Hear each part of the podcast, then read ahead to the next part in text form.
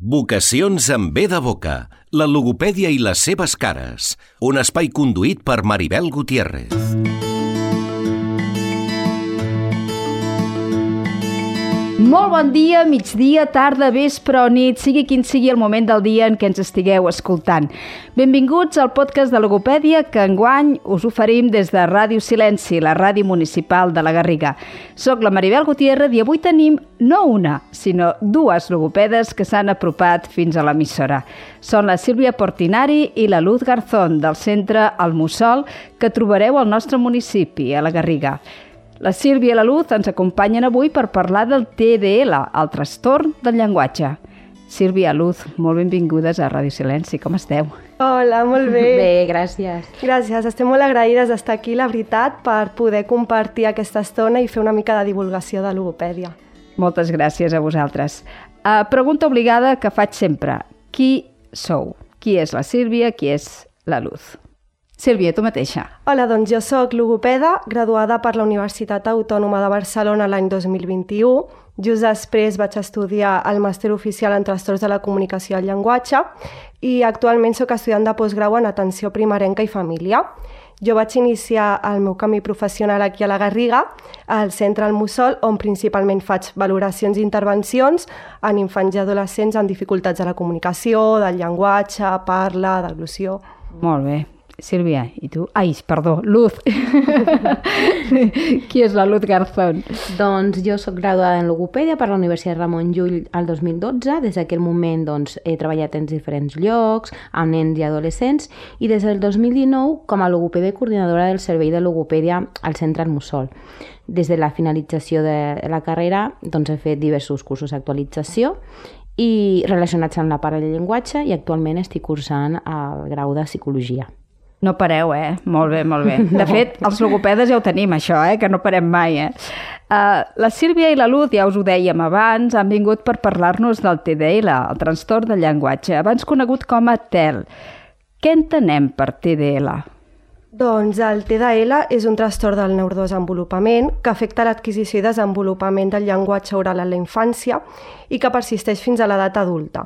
Aquestes persones solen trigar en, més en produir les seves primeres paraules, tenen dificultats a la comprensió i o expressió del llenguatge oral i, de fet, podríem dir que no n'hi ha dos TDLs iguals, ja que els diversos components del llenguatge poden estar afectats o no i en diferent intensitat. Mm. Així, grosso modo, podríem dir que, que té similituds amb la dislèxia, no? Com podem diferenciar l'un i l'altre? Sí, tens raó. La veritat és que moltes vegades arriben al centre eh, perquè sospiten de dislèxia, però quan es valora surten dificultats en el llenguatge oral, ja sigui en comprensió o en expressió, i que per aquesta causa està influint en l'adquisició i desenvolupament del llenguatge escrit. Podríem dir, Sílvia, així, a grans trets, eh? per diferenciar-les, que la dislèxia afecta més a la comprensió i l'expressió escrita i el TDL potser més a la part oral del llenguatge? Bueno, aquesta te la responc jo. sí, el TDL afecta més a nivell global, no? tant la comprensió i l'expressió del llenguatge, tant a, a nivell oral com a l'escrit. Però la dislèxia només afecta a l'aprenentatge, la lectura i l'escriptura, és a dir, al llenguatge escrit només. Molt bé. Partint de la base que el, que el nostre cervell no és un compendi d'àrees aïllades, sinó que hi ha força interconnexió, eh, el TDL pot tenir similitud també amb altres quadres. Eh, no? eh, en el podcast en què parlem de dislèxia amb la Mireia Duran, ella ja ho apunta, no? que, que les àrees del cervell, del cervell perdó, estan interrelacionades i sovint no podem relacionar, ubicar un trastorn concret per la dificultat en el processament d'una àrea concreta, sinó que hi ha, hi ha més, més d'una implicada, oi? Sí, tens raó. De fet, es va canviar uh, la nomenclatura de TEL a TDL per això i, de fet, hi ha un altre trastorn amb el qual habitualment es sol confondre, que és amb l'autisme, ja que hi ha nens i nenes amb TDL que poden presentar dificultats a la interacció social. Per tant, aquestes les podríem diferenciar ja que en un TDL hi ha intenció comunicativa, i no presenten patrons estereotipats i o restrictius i en canvi en l'autisme sí. Seria una diferència així a Exacte, grans trets, a grans no? trets. Uh -huh. Atenent a les característiques del TDL, doncs, en quin moment podem sospitar que un nen o una nena pot ser diagnosticat eh, amb aquest trastorn? Qui, quan s'inicia quan, quan s'inicia l'escolarització o ja des del nucli familiar? Doncs no hi ha un moment concret. Les dificultats es donen des de l'inici de desenvolupament de la parla i del llenguatge a nivell global. Eh, per exemple, abans dels dos anys ens podem trobar amb absència de balbuceig, no responen quan li parlen, falta d'interès per la comunicació, errors en la pronunciació de les vocals, de sons senzills, frases, vocabularis reduïts, no? per, per l'edat, entre d'altres. Respecte al diagnòstic, a partir dels 5 anys es pot diagnosticar, ja que aquesta, en aquesta edat ja quan els nens no, ja tenen una sintaxi més clara, el llenguatge és intel·ligible, i a les escoles molt important, no? també que tingui indicadors per poder detectar com són la presència de dificultats per explicar una història coherent, dificultats per entendre el que diu, moltes, sobretot moltes dificultats per recordar o entendre instruccions verbals. Uh -huh poc interès també en inter intencions comunicatives, interpretacions excessivament literals, que per això, no?, el que comentava abans mm. la Sílvia, es podia confondre mm. amb un autisme, no? déu nhi no? Quan, quants indicadors, però de manera senzilla i per donar una miqueta de pauta, des de casa, en quin moment recomanaríeu una visita a un professional? Perquè hem, heu, heu esmentat molts indicadors i tampoc volem atabalar, no? Senzillament, mm. a veure, indicadors clars per les famílies que, que puguin bueno, sospitar que, que el seu fill o filla pot presentar alguna dificultat en el llenguatge. Sí, mira, jo una pregunta clau per mi és quan jo els pregunto a les famílies um, com veuen el seu fill, filla, respecte als seus iguals, no? I és aquí quan ells eh, se n'adonen, que sempre hi ha hagut un retard en la parla, en el llenguatge, en la comunicació, i que és inferior als companys de la seva edat o inclús els arriben a comparar amb germans grans, no? Jo crec que aquesta comparació és la que ens pot ajudar a donar-nos que està passant alguna cosa i demanar consulta a un professional eh, la frase aquesta, no? la típica de cada nen té el seu ritme, des del meu pare s'hauria d'agafar amb pinces, ja que hi ha un curs evolutiu que evidentment en alguns nens es donarà segons les regles no? que marca el neurodesenvolupament i en d'altres no. Per exemple, les primeres paraules amb intenció apareixen als 12 mesos però hi haurà un aprenentatge tardà si les diu cap als 18-20 mesos. Un retard del llenguatge ja es considera quan les diu cap als 2 anys, 2 anys i mig. I un TDAL si als 4 anys no és capaç d'abocar estructures síl·laba, el verb i l'objecte directe, el subjecte ver i objecte directe. Mm -hmm. Per tant, s'ha de prestar atenció especial als desfassaments cronològics. Sí, jo potser... Ara repetirem això, eh? Tornarem a, a, a esmentar totes aquestes pautes, aquest, aquest calendari evolutiu, però trobo molt interessant que ho digueu per edats, perquè quan, quan dius eh, que les famílies tinguin en compte els seus iguals, penso que a vegades, clar, iguals vol dir, per ells, eh, els nens de la classe i moltes vegades sí que són els seus iguals, però en edats tan primerenques no és el mateix un nen, un nen que ha nascut al gener d'un nen que ha nascut al novembre al desembre. Dius, són, són els meus iguals, però no són iguals en aquest sentit. Per tant, trobo molt interessant que, que marquis l'edat. No? Més que l'edat, jo diria que sempre a nivell de desfasament cronològic són sis mesos. Sis Aquí, mesos. Sis mesos. Aquí nosaltres tenim en compte, val, pots, és del mateix any, no? el mateix grup classe, però sis mesos. Mm. Sis mesos és quan porta aquest retard, no? És quan aquí ja hem de sospitar alguna sí. coseta. I potser també caldria remarcar que si en el cas d'un nen prematur, això encara és més, s'ha de tenir més en compte perquè Clar. hi ha un retard, no? Ja Clar, com ves, tu saps, no? A nivell neonatal, no? Sempre eh, tenim en compte l'any, no? O l'edat des de que neix, no? Tenint en compte aquesta prematuritat. Clar, Clar aquesta edat corregida, sí. que en vam parlar ja amb la, amb l'Emili Matarazo, sí. Uh, tot això s'ha de tenir en compte. Per sí. tant, sí, consultar un professional que pugui guiar les famílies. Tornem a repetir, perquè ho trobo molt interessant el que ha dit la Luz. Si les primeres paraules apareixen entre els 18 i 20 mesos, podríem estar davant d'un aprenentatge tardà. Si es donen entre els dos anys i els dos anys i mig, eh, davant d'un retard del llenguatge. I si als 4 anys la criatura no és capaç de formular enunciats subjecte, verb i altres complements, cal pensar que estem davant d'un TDL. Aleshores, en quin moment aconselleu que les famílies s'activin i demanin pare professional? Una miqueta ja ho hem dit, eh? En edat prematures jo crec que a partir de l'aprenentatge tardà, no? si comencen a dir les primeres paraules als 18 mesos. Normalment un TDL ja, ja, ja el veus en aquesta mm -hmm. edat. No? I quan arriba tan petitons a la nostra consulta el que aconsellem és uh, dirigir a les famílies al CDAP. Recomanem que és el Centre de Desenvolupament Infantil i Atenció Precoç, que és gratuït i públic. Sí, però quina és la via? Via pediàtrica? No cal. No? No cal. Sí que és veritat que abans era via pediàtrica, però les famílies poden trucar, adreçar-se al CEDIAP que li correspon per zona i, I i això ho tenen. es, es localitza per internet i poden... Molt sí, bé. sí, ho poden. Si no, també al pediatre. Però sí que és veritat que ara les famílies mm, de manera autònoma poden adreçar-se. Molt bé. Al llarg de tota aquesta sèrie de podcasts que estem fent, hem incidit molt en el fet que els professionals de la logopèdia som un col·lectiu que se'ns fa molt difícil treballar sols, no? treballar de manera aïllada. I si esteu especialitzats en dificultats de llenguatge, penso que molt més. Amb quins altres professionals necessiteu estar en contacte? Sí, la veritat, tens molta raó, mai treballem soles i és molt important un treball interdisciplinari. És molt important també treballar amb les escoles, ja que conjuntament amb la família són qui passen la major part del temps amb els nens i les nenes, no? Aleshores, per tant, és imprescindible intercanviar informació amb les mestres, per així podeu establir objectius de teràpia, consensuar també si cal quines adaptacions són necessàries a classe i així també facilitar a aquests nens no l'accés als continguts. Uh -huh. I després, a més, a l'escola també estem en contacte amb les logopedes del CREDA i també amb altres professionals que estan implicats en els diferents casos. Uh -huh. Per als qui no ho coneguin, què és el CREDA?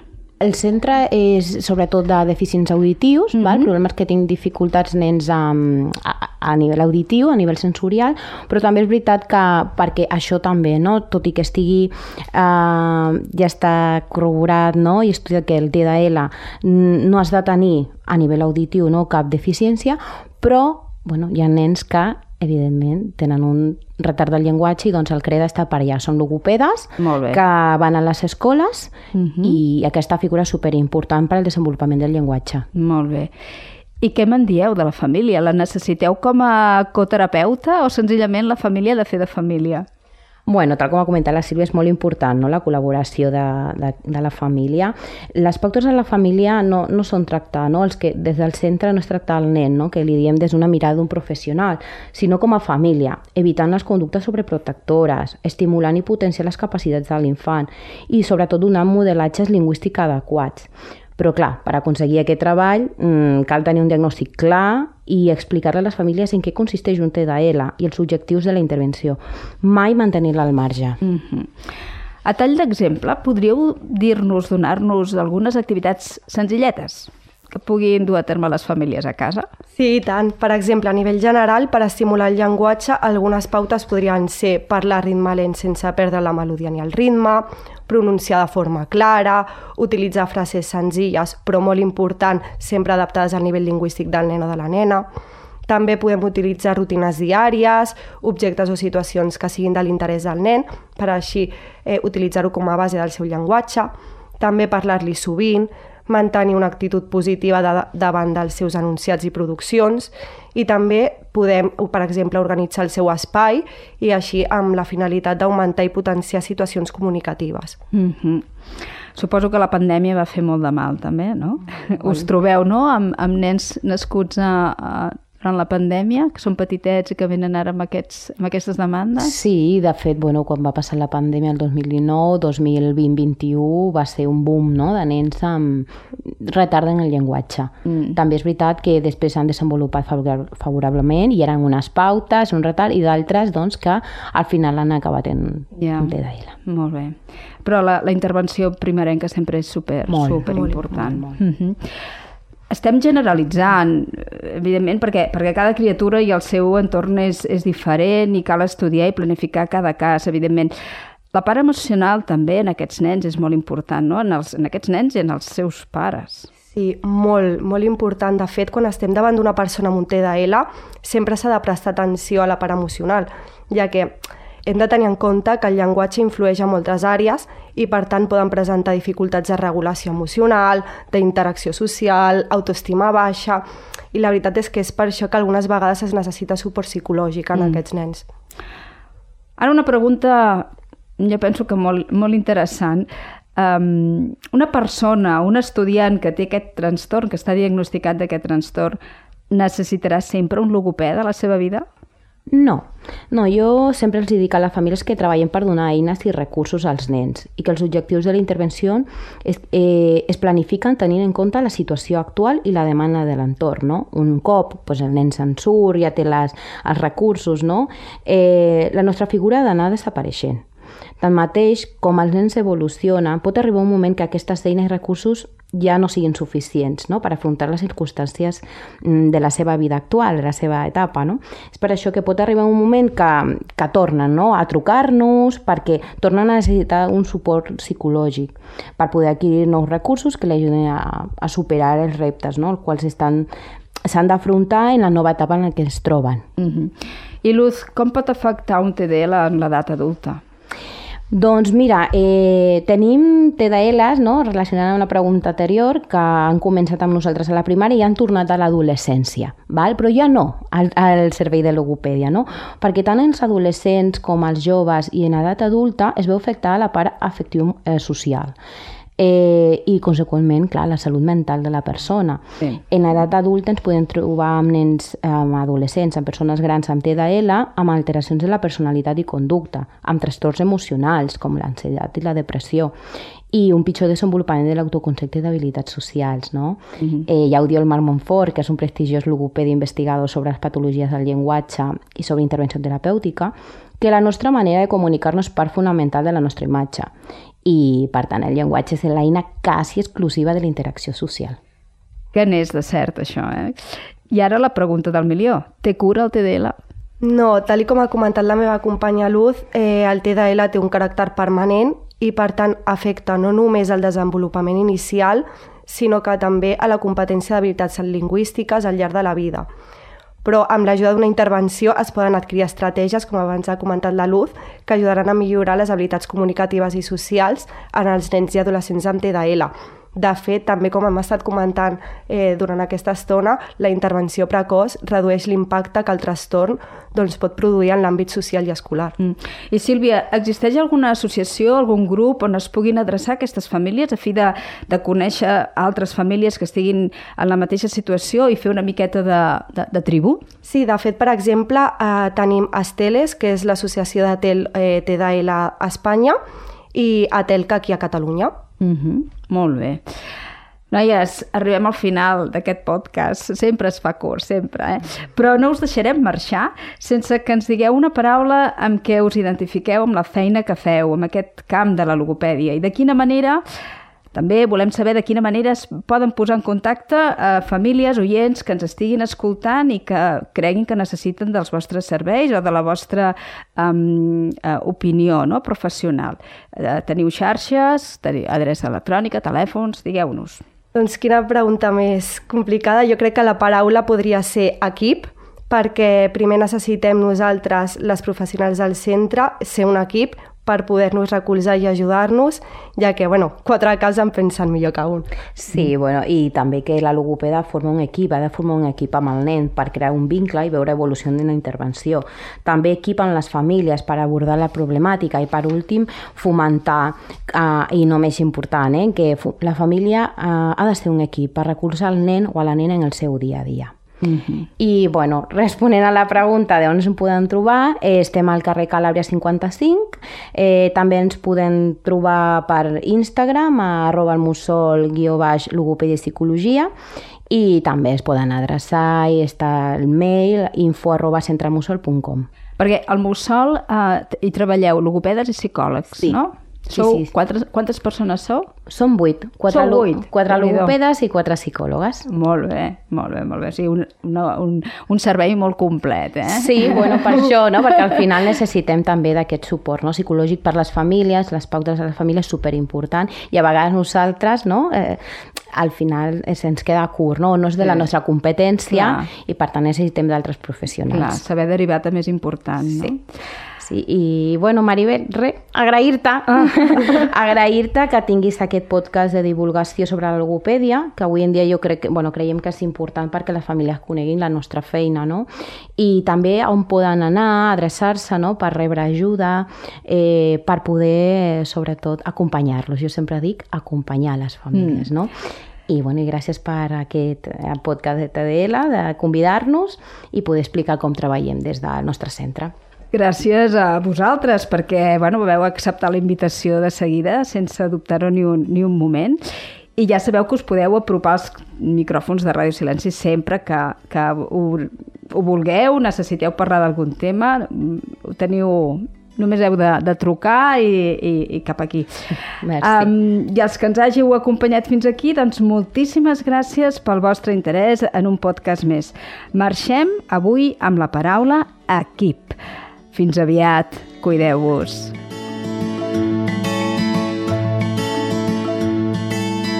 Pots escoltar la resta de podcast de la temporada a la web de l'emissora radiosilenci.cat.